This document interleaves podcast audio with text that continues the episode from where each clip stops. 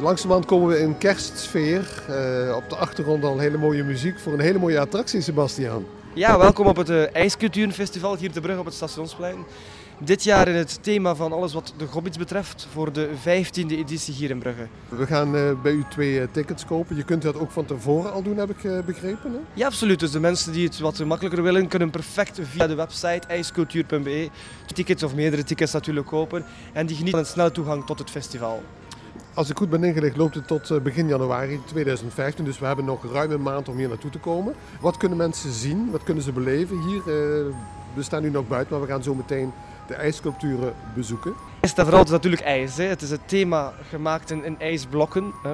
Uh, dit jaar hebben we het wel uh, wat veranderd in die zin. Uh, de opvangtent of de wachtruimte die is eigenlijk volledig geanimeerd. Dus je gaat eigenlijk van de groene zone, het verhaal van de hobbits met de bossen, de landschappen, die worden nagebootst in de opvangruimte.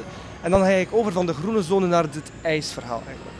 Daarnaast hebben we ook wat, wat, wat leuke interactieve attracties in het ijsverhaal, zoals een, een, een ice slide met fotoboot. U moet maar denken aan een rollercoaster waarbij je op snelheid passeert en dan even een, een foto wordt genomen. Dat hebben we nu eigenlijk geïmplementeerd in een ice slide.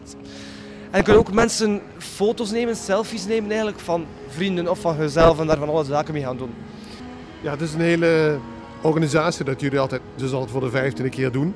Uh, daar zijn ze maanden mee bezig al, hè? Ja, eigenlijk alles begint voordien. Voor ons begint het een, soms zelfs een jaar voordien met het uitwerken van het thema. Maar eigenlijk de grote organisatie is voor ons zes maanden voor het evenement. Goed, als je nu naar binnen gaat, dus nu even een aantal graden boven nul. Hoe, hoe koud is het binnen? Je mag toch rekenen op min 10 graden. Dus uh, ik stel voor toch dat de bezoekers goed gekleed zijn. We zijn altijd warm gekleed. Overdag kan het wel zo min 4, min 5 worden, afhankelijk van het aantal bezoekers.